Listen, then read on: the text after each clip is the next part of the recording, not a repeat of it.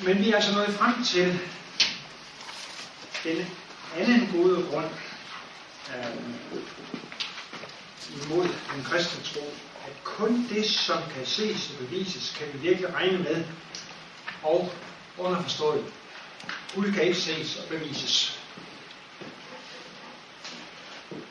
Det her argument, den her indvending, den møder vi i flere udgaver for mange sider, og det er jo egentlig en meget naturlig indvending. En af mine børnebørn, øh, 6 år, gav for få måneder siden udtryk for, at hun kunne ikke rigtig tro på Gud, når hun ikke kunne se Hun går altså i en skole, hvor flertallet af klassekammeraterne formentlig ikke tror på Gud. Så hun har ikke fået på det selv, men der er nogle andre, der har, har givet hende den her tanke. Øh, og, og en er jo rimelig nok, at det vi ikke kan se, og det som ikke kan bevises, øh, det er altså, det kan jeg ikke stå på. Ateister, det vi i hvert fald også som regel på et eller andet tidspunkt i en samtale eller debatten smide det kort på bordet, der går ud på, at man kun kan regne det for virkeligt, som kan ses og bevises.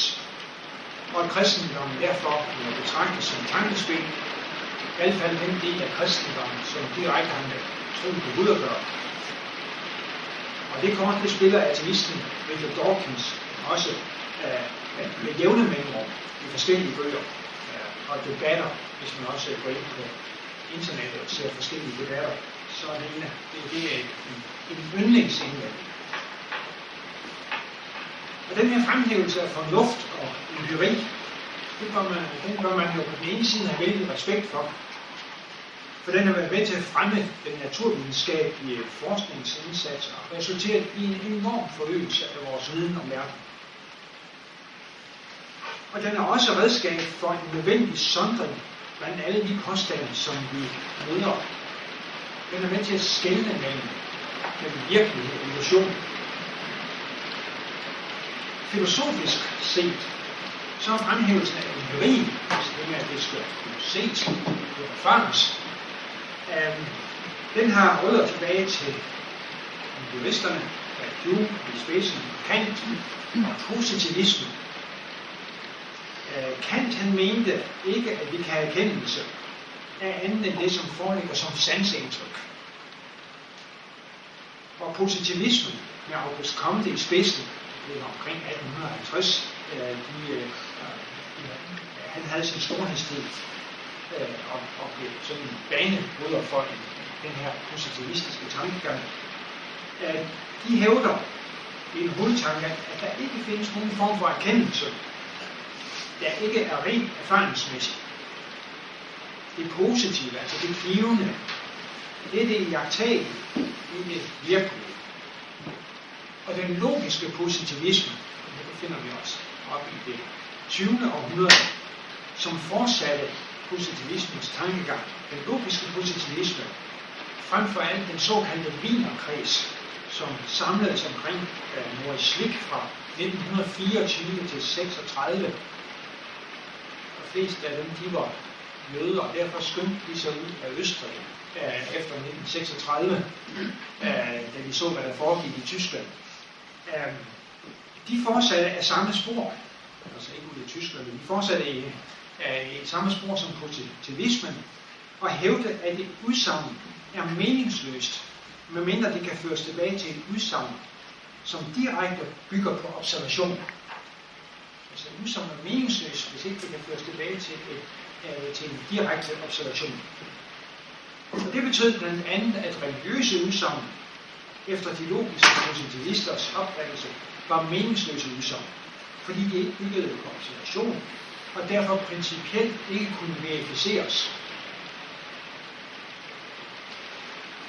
Som sagt, dette synspunkt, at det er kun det, der kan ses og bevises, der er virkelig, det har en nyttig udgave, en, en nyttig opgave med hensyn til at skille mellem fantasi og virkelighed. På den ene side, øh, altså fantasien og illusionen på den ene side, og virkeligheden på den anden. Det betyder for eksempel, at troen på det flyvende spaghetti-monster, som ifølge en notits fra 22. januar i år ønsker at blive godkendt som trosamfund i Danmark. Jeg sad i Elisabeth og læste nyheder fra Danmark og tænkte, her verden er at lave. Efter mit skøn må afvises som ren og skær fantasi. Men kan man så spørge, hvorfor gælder det samme så ikke troen på den trinlige Gud? Det kommer vi tilbage til om et øjeblik. Altså på den ene side må jeg sige, at den her øh, fokus på, øh, på empiri og logik og virkelighed, øh, at, at den er nyttig på så mange måder. På den anden side må vi indvende, at der næppe er nogen, der kan leve på basis af den ovennævnte snævre forståelse af virkelighed og viden. De fleste af os lever nemlig som noget helt selvfølgeligt med udgangspunkt i en lang række sandheder og værdier, som vi ikke kan bevise, men som vi ikke desto mindre regner for selvfølgelige og sande. Det gælder eksempelvis artikel 1 i den universelle erklæring om menneskerettigheder fra 1948, der lyder sådan, at alle mennesker er født frie og lige i værdighed og rettigheder.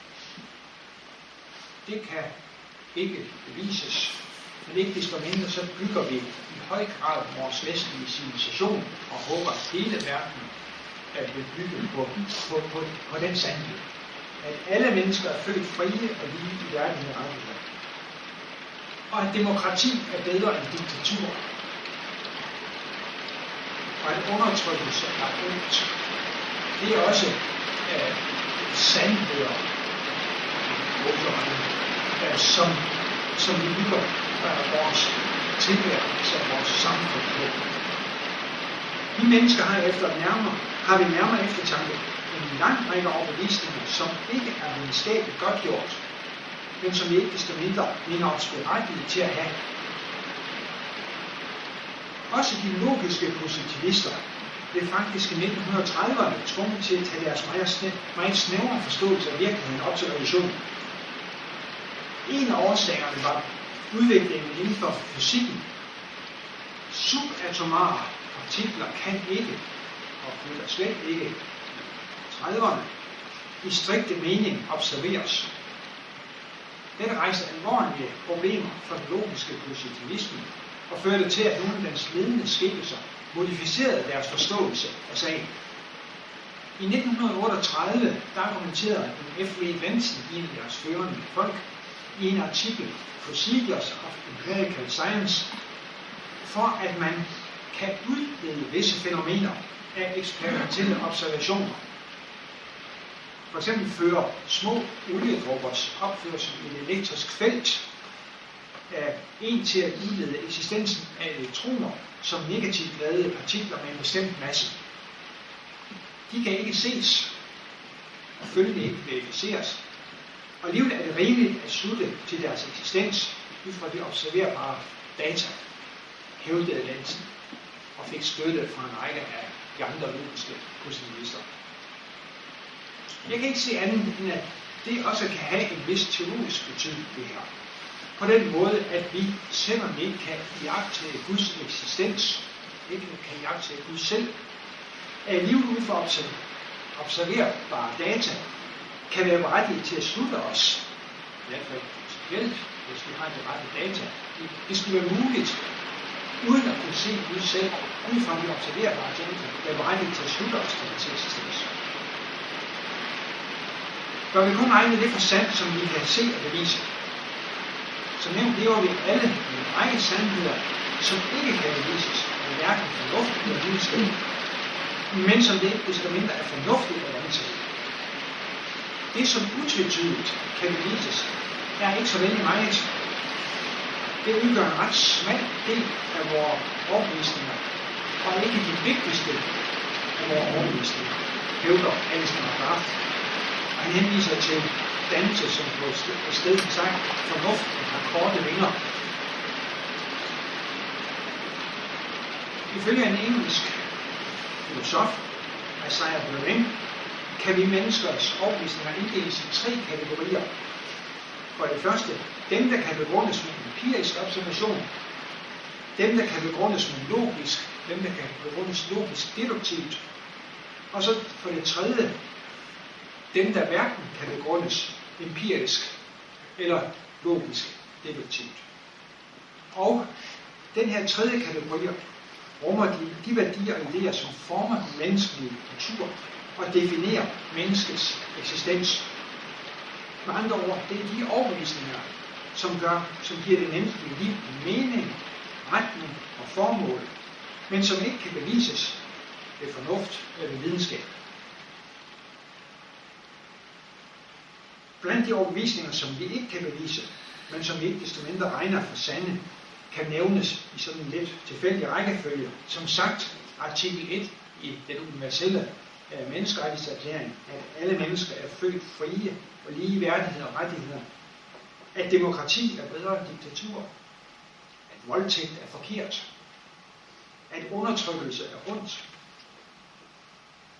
Og begrebet retfærdighed i hvilken som helst form kan ikke bevises og kan ikke undværes. Alle moralske værdier hviler på tro. Øh, videnskaben kan ikke bevise naturens fortsatte regelmæssighed, som den ikke kan leve for uden. Den kan bare blot godtage den uden bevis. Og på lignende vis kunne man overveje, om det så var fornuftigt også at tro på Gud, selvom det, han ikke kan bevises i strikte forstand ved observation. Også ateister tror på en hel masse, som dybest set ikke kan bevises. Ofte tager de ikke øh, højde for de begrænsninger, den menneskelige fornuft må operere under, og forudsætter, at deres egne overvisninger er velbegrundede, troværdige og ansvarlige. Hvis man begrænser virkeligheden til det, som kan bevises, skøjter man, hævder Aristoteles i hvert fald, blot på overfladen og opdager ikke alt det værdifulde, som findes nedenunder. Og hvis jeg skal konkludere sådan her hurtigt på det her, så mener jeg altså ikke, at den her anden indvending mod kristendommen, al dens nødvendighed og al dens styrke til trods, udgør en virkelig holdbar indvending mod den kristne tro på en ikke iagtagelig Gud. Fordi hvis vi skulle bruge det imod Gud, så var der en masse andre ting, vi heller ikke kunne fastholde. Og hvad så med det flyvende spaghetti-monster? Og den trinlige Gud? Hvis vi nu forsøger at tage tilhængerne af det her monster af tilsvarende opfindelser alvorligt. Så, så vidt jeg kan se, så er den eneste betydningsfulde lighed mellem den, det her spaghetti-monster og den trinlige Gud, det er, at de begge er usynlige. Det er lighed. Men de er langt fra ligeværdige kandidater til at være genstand for tilbedelse, det, jeg mener. Hvad angår deres evne til at skabe verden, er de hinandens modsætninger. Her ser vi på den verden. Hvis vi ser på den verden, som vi befinder os i, så kræver det givetvis en mægtig og meget intelligent magt at skabe den. Den her yderst, det her yderst komplicerede og gigantiske univers. En magt, der skulle have skabt det, må være have, have, have almagt og være vældig intelligent. Men en repræsentant for det flyvende spaghetti-monster udtalte ifølge øh, hjemmesiden, at øh, vores Gud er svag og dum. Øh, vi holder alligevel af ham, siger han. Så allerede det her udgør, øh, afgør, at det flyvende spaghetti-monster er en aldeles uegnet kandidat til noget så centralt som at være verdens skaber, hvis han er svag og dum. Øh, så nu tager jeg det alvorligt, det her, og det ved jeg ikke engang, hvad deres egne tilhængere at gøre. Men hvis vi, vi møder den slags indvendinger, hister her, og, og, og derfor kan vi være, være, godt lige prøve at, at se, hvad siger de selv, og er der nogen rimelig måde at, at afvise det på? Det synes jeg egentlig, det er. Hvis de virkelig mener, at deres Gud er svag og dum, så er han ikke en kandidat, der er på lige fod overhovedet med den tredje Gud, der, øh, som har skabt verden, den kæmpe, det kæmpe univers, øh, som hænger så forbløffende godt sammen, øh, som vi befinder os i. Ja, dermed går vi over til den tredje, den tredje gode grund imod kristendom. Nemlig at kristendommen er personligt og samfundsmæssigt onde. Og det er en det er en anden type indvending. Ja, der er sådan ligesom fokuseret på blandt andet os som kristne. Den måde, vi agerer på i verden, og som kristendommen agerer på i verden, at, at, at, at, det, at det er noget, som uh, taler imod kristendommen. Uh, med angrebet på World Trade Center 11. september 2001, så blev det klart for alle, hvad man på en måde altid har vidst. Nemlig at religion er ikke bare et gode. Siden da har ny ateisme med Rachel Dawkins i spidsen fremført det synspunkt, at religion helt igennem er et onde, men nærmest roden til alt ondt. Og det synspunkt har ondt med skændklang. Hvis man kigger efter kronik og kommentarer osv., så er det et ganske hyppigt forekommende synspunkt, at religion er roden til alt ondt. Og i hvert fald, om ikke til alt ondt, så er det i hvert fald et onde. Og verden har været bedre tjent med ikke at have religion. Det er imidlertid ikke et træffende synspunkt.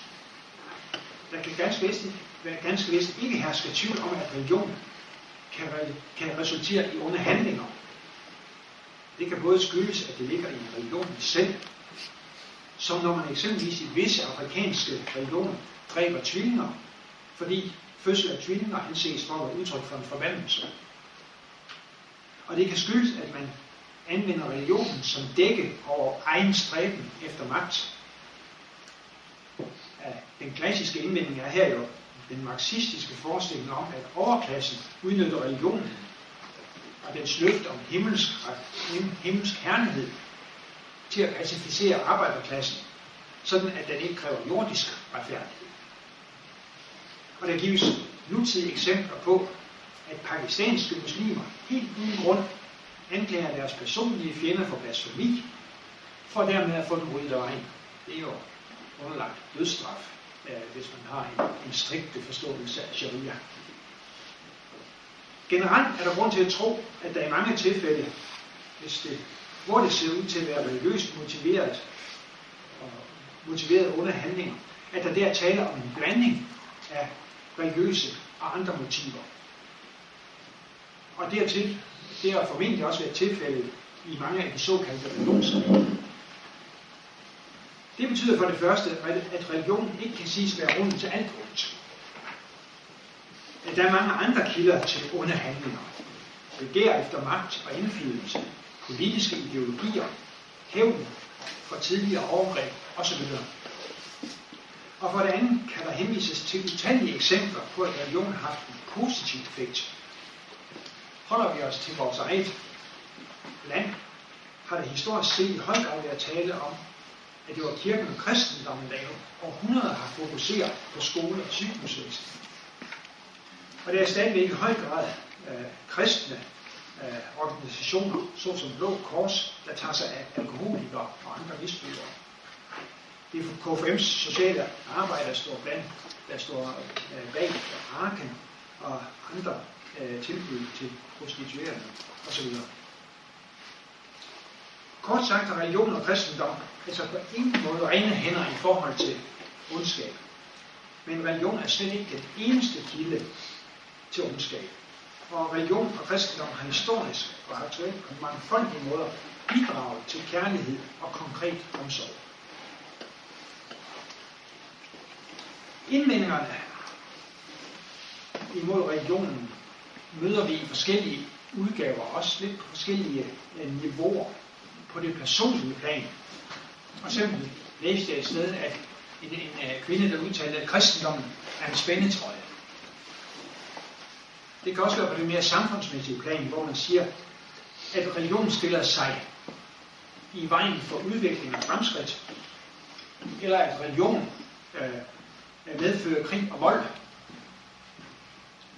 Og så det helt generelle, at religion er roen til alt ondt. Richard Dawkins, igen, han giver udtryk for alle, alle tre planer, som jeg kan se. Øh, alle tre niveauer. Han siger for eksempel, at selv moderat religion er arnested for radikal religiøsitet. Opdragelse af børn til at være kristne er overgreb på de her børn, Han siger, at religionen sætter folk op imod hinanden og fører til utallige krige. Bibelens moral er barbarisk, og ateister er ikke onde. Det er sådan fem øh, påstande, som han har i sidste del af sin bog her. Det drejer sig altså alt sammen om, at, at religionen, og ikke mindst i kristendommens skikkelse, er noget ondt. Øh, jeg vil her, inden jeg ser på de her øh, niveauer, så vil jeg lige komme med et par generelle kommentarer til Richard Dawkins og den nye religionskritik. Også fordi jeg mener, at noget af det, han siger, det er noget, vi kan møde så mange andre steder. Det er jo ofte sådan, at, øh, at synspunkter de bliver fremsat, og så falder de ned og bliver en del af den almindelige kultur, almindelige tankegang. Og sådan gælder det også i høj grad med nogle af den nye religionskritiks indvendinger imod kristendommen, at vi hørte måske ikke fra Dawkins og andre længere, men det er måske fordi, de faktisk har sejret sig ihjel. De er blevet en del af den almindelige tankegang. Og det gælder også nogle af de her ting her. Og derfor, når jeg indvender dem, eller prøver at forsvare os øh, som kristne imod det her, så er det altså ikke bare Dawkins, men så er det også fordi, vi møder dem altså så mange andre afskygninger blandt folk flest. Hvor Dawkins han argumenterer, han argumenterer for, at Gud ikke eksisterer, så synes jeg, han kommer dårligt fra det. Men efter mit skøn, så må man give ham en vis ret i nogle af de indvendinger, som han fremfører imod religion og kristendom. Det er sikkert sandt, at der findes eksempler på, at moderat religion har været et andet sted for radikal religiøsitet. Det er sandt, at religiøs børneopdragelse kan være udtryk for overgreb.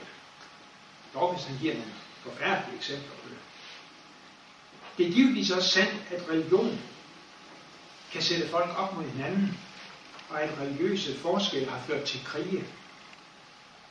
Selvom det sikkert også har været mange andre motiver indblandet i mange af de religiøse, øh, i mange af de konflikter og krige, som på overfladen har set ud til at være religiøst betinget. En af de eksempler, som ofte bliver draget frem, det er konflikten mellem protestanter og katolikker i Nordjylland. Og, og, og der er mange andre elementer end de er rent religiøse. Et af elementerne, det er, at det er protestanterne, der er fabriksejerne, og katolikkerne, der er arbejderklassen. Så der er altså en form for klassekamp involveret i den sag. Og så er der det nationale, at katolikkerne de ønsker at komme og blive en del af det katolske republikken Irland, mens protestanterne ønsker at være en del af det amerikanske Storbritannien. Så der er mange andre elementer end lige præcis religion indblandet i den konflikt, som på overfladen så ud til at være en konflikt mellem øh, protestanter og katolikker.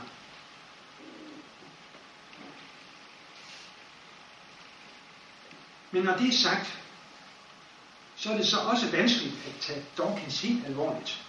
Han lider nemlig af en gennemført proportionsforring. For det første tager han skrækeksemplerne, som om de er udtryk for det normale. Det forholder sig eksempelvis ikke sådan, at en hver muslim, heller ikke en hver ortodox muslim, er en potentiel hellig kriger. Og for det andet er det bemærkelsesværdigt, at han stort set ser bort fra alt det positive, der kan siges om religionen og religiøse mennesker og fællesskaber.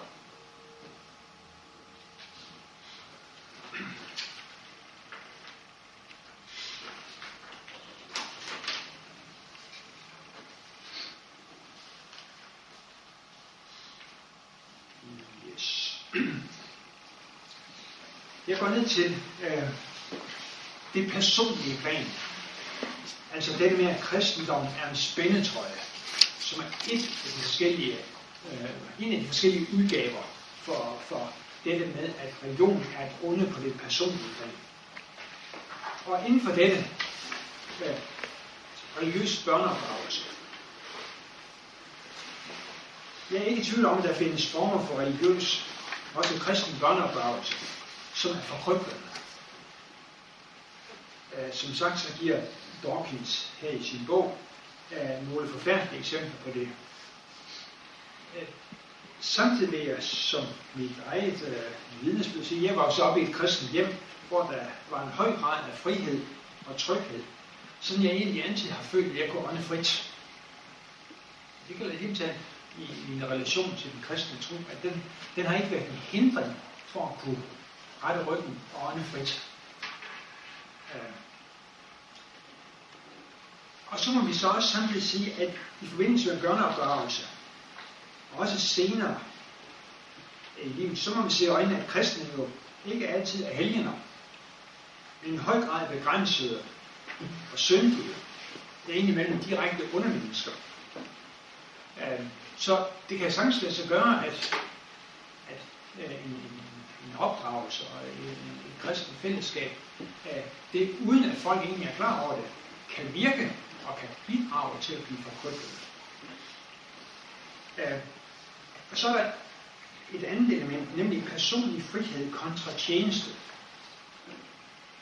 Øh, I al, i al øh, opdragelse ligger der, så vidt jeg kan se, et vist hæmmende element.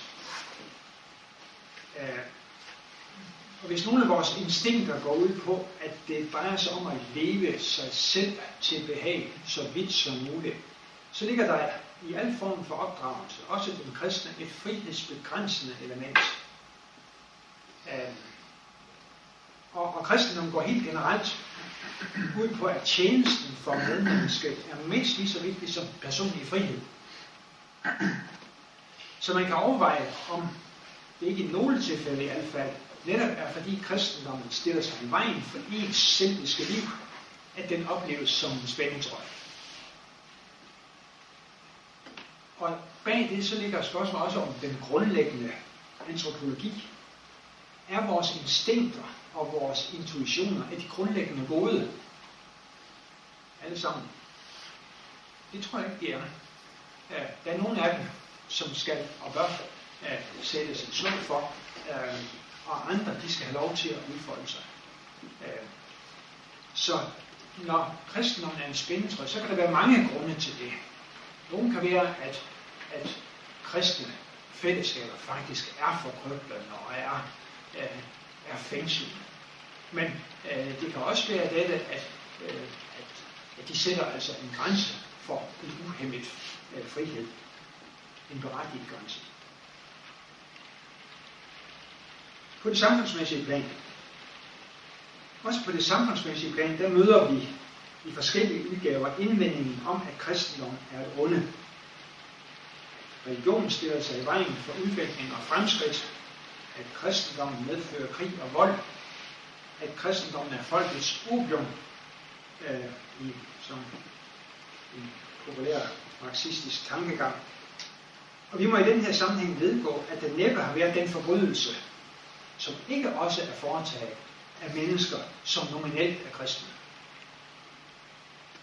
Øhm, når man læser beretningerne om, hvad der foregik i Jerusalem i forbindelse med det første korstog, med de kristne gjorde jøder og muslimer på det tidspunkt der, og tilsvarende, da de efter mange år spiller, eller lang tids belejring af, af, af, af Lissabon, endelig indtog Lissabon, også uh, i forbindelse med korstogstænkningen. Uh, øh, uh, når man læser om det, så må man indrømme, så er der ikke, der, der er ikke noget ondt, som kristne ikke også, nominelt kristne ikke også har med til at foretage sig.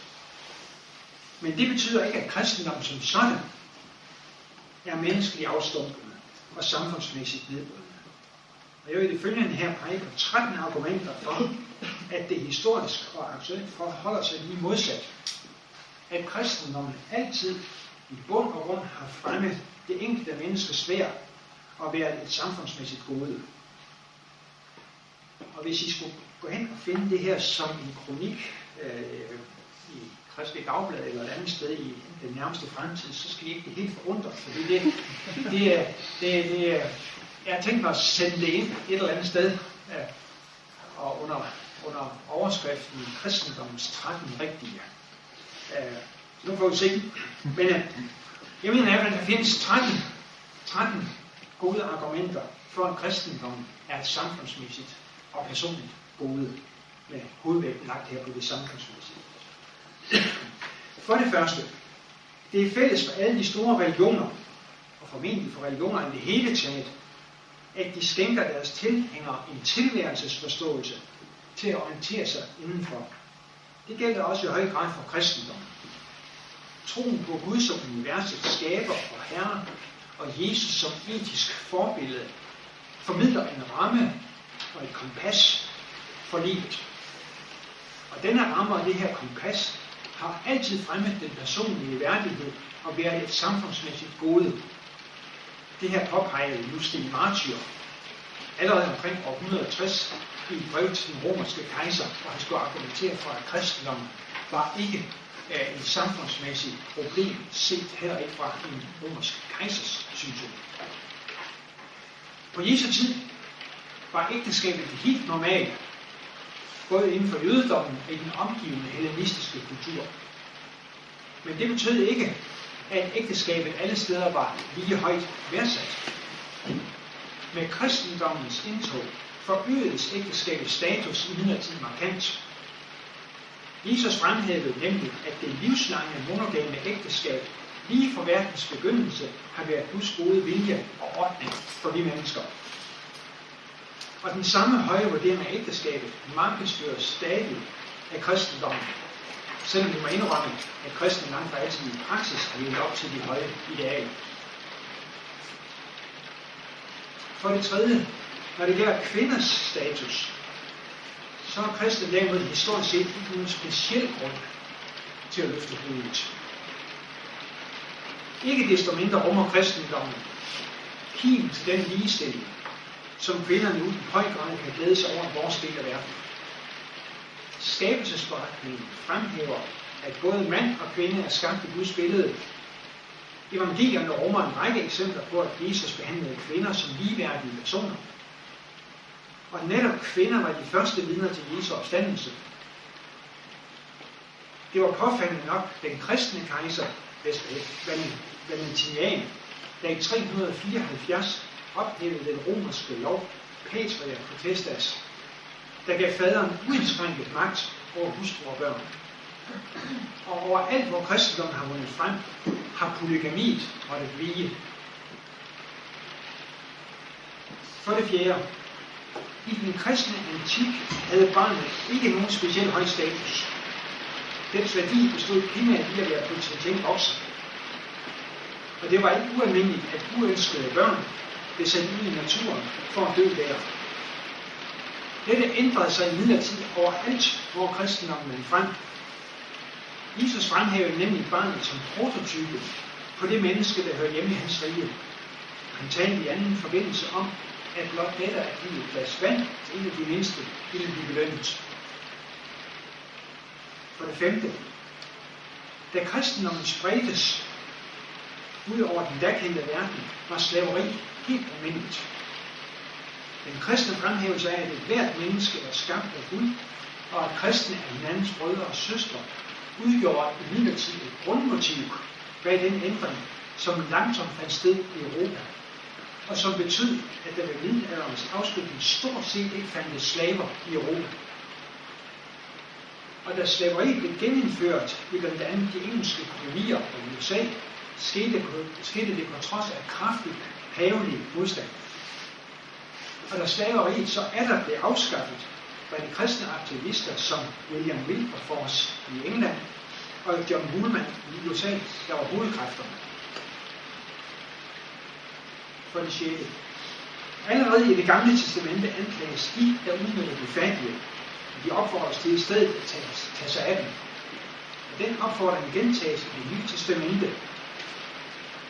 Den her omsorg for fattige og mindre bemidlede har udgjort en rød tråd i hele kirkens historie og kommer i vores tid til udtryk i talrige kristne diakonale institutioner. Et helt aktuelt konkret eksempel er den julehjælp, som mange kirker yder til fattige familier. Uafhængig af om, kirke, om familierne er kirkegængere, eller overhovedet bekender sig til den kristne tro. For det syvende. De fremmede er i sagens natur ofte en udsat gruppe. Men allerede i det gamle testamente blev Israels folk gentagende gange opfordret til at tage sig af de fremmede. De havde jo selv været fremmede i Ægypten. Og Jesu opfordrer til den samme omsorg for fremmede. Denne grundlæggende kristne holdning har vi da også set udmyndet i vores tid, hvor vi har set, at kristne har trodset deres angst for det, for det fremmede og det ukendte, og har åbnet deres kirker og deres hjem for at mødstede fremmede. For det 8. Jesus helbredte ifølge det nye testamente mange syge, og han fortalte lignelser om den barmhjertige samaritaner, der fik medynk med den nødstede og tog de fornødne skridt til at sørge for ham.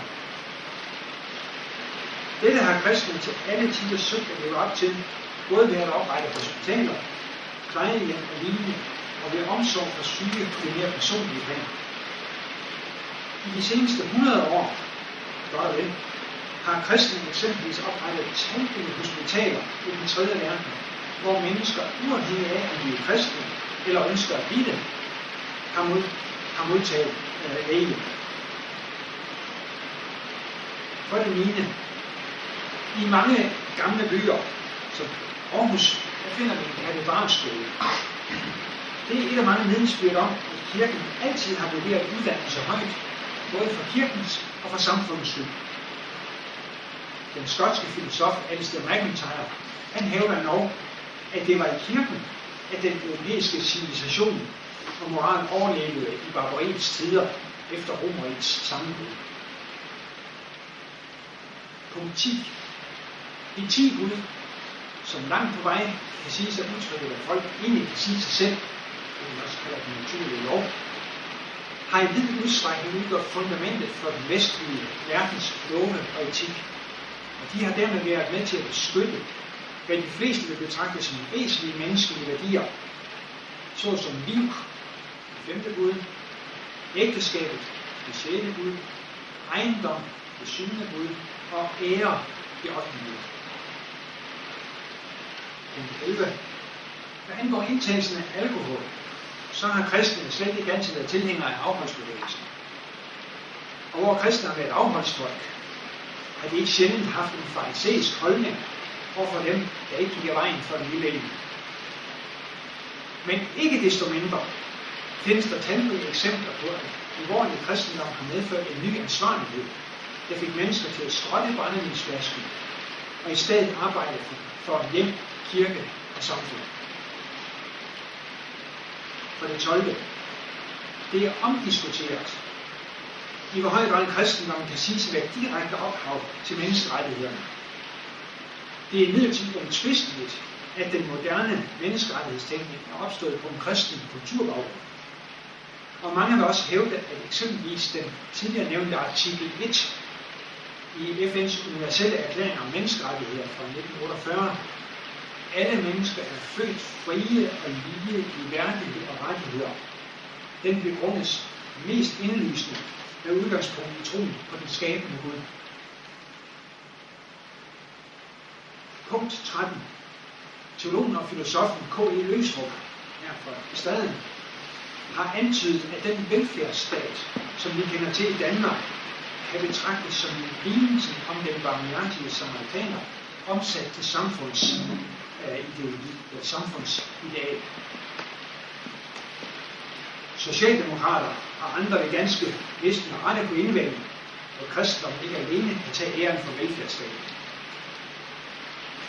Uh, spørgsmålet er imidlertid, om ikke Østrup på et dybdeplan har ret. Tanken om, at alle mennesker har ret til det samme gode liv som os selv, ligger ikke indbygget i vores natur. Den kommer et sted fra, og et godt bud er, at den stammer fra kristendommens tale om, at vi alle er skabt af Gud, og at vi skal elske vores næste som os selv, og at det var udmyndtes som den barmhjertige samaritan gjorde. De nævnte 13 punkter, som ingen vil kunne hævde hører til periferien af det, som vi alle opfatter som vores samfunds værdigrundlag, viser, at den kristne tro altid har stor og positiv samfundsmæssig betydning. Kristendommen vinder dermed med 13 rigtige over dem, der vil hævde, at kristendommen skulle være menneske, skulle være menneskelig afstumpet og samfundsmæssigt nedbrydende. Indrømmet. Kristne har ikke altid levet op til de høje idealer, som de omtalte punkter rummer. Og der vil formentlig også kunne peges på sider ved kristendommen, som ikke vil blive vurderet som samfundsmæssigt fordelagtige. Men det vil ikke desto mindre være historieforfalskning at påstå, at religionen med kristendommens skikkelse skulle være et onde. Kristendommen har tværtimod på en lang række centrale punkter bidraget til det samfund, som vi alle nyder godt af i dag. Kristendommen er både historisk og aktuelt kilden til meget godt. Og dermed mener jeg at have taget stilling i sådan en kritisk retning til påstand om, at kristendommen samfundsmæssigt set skulle være et onde. Og jeg mener, for at sammenfatte det hele, at have påvist, at de tre argumenter, de tre gode grunde imod den kristne tro, som vi har fokuseret på i aften, slet ikke er så gode endda, og at de i alle tilfælde ikke burde medføre, at vi skulle udskifte kristendommen med agnosticisme eller ateisme. Så det var ordene fra min side. Så er det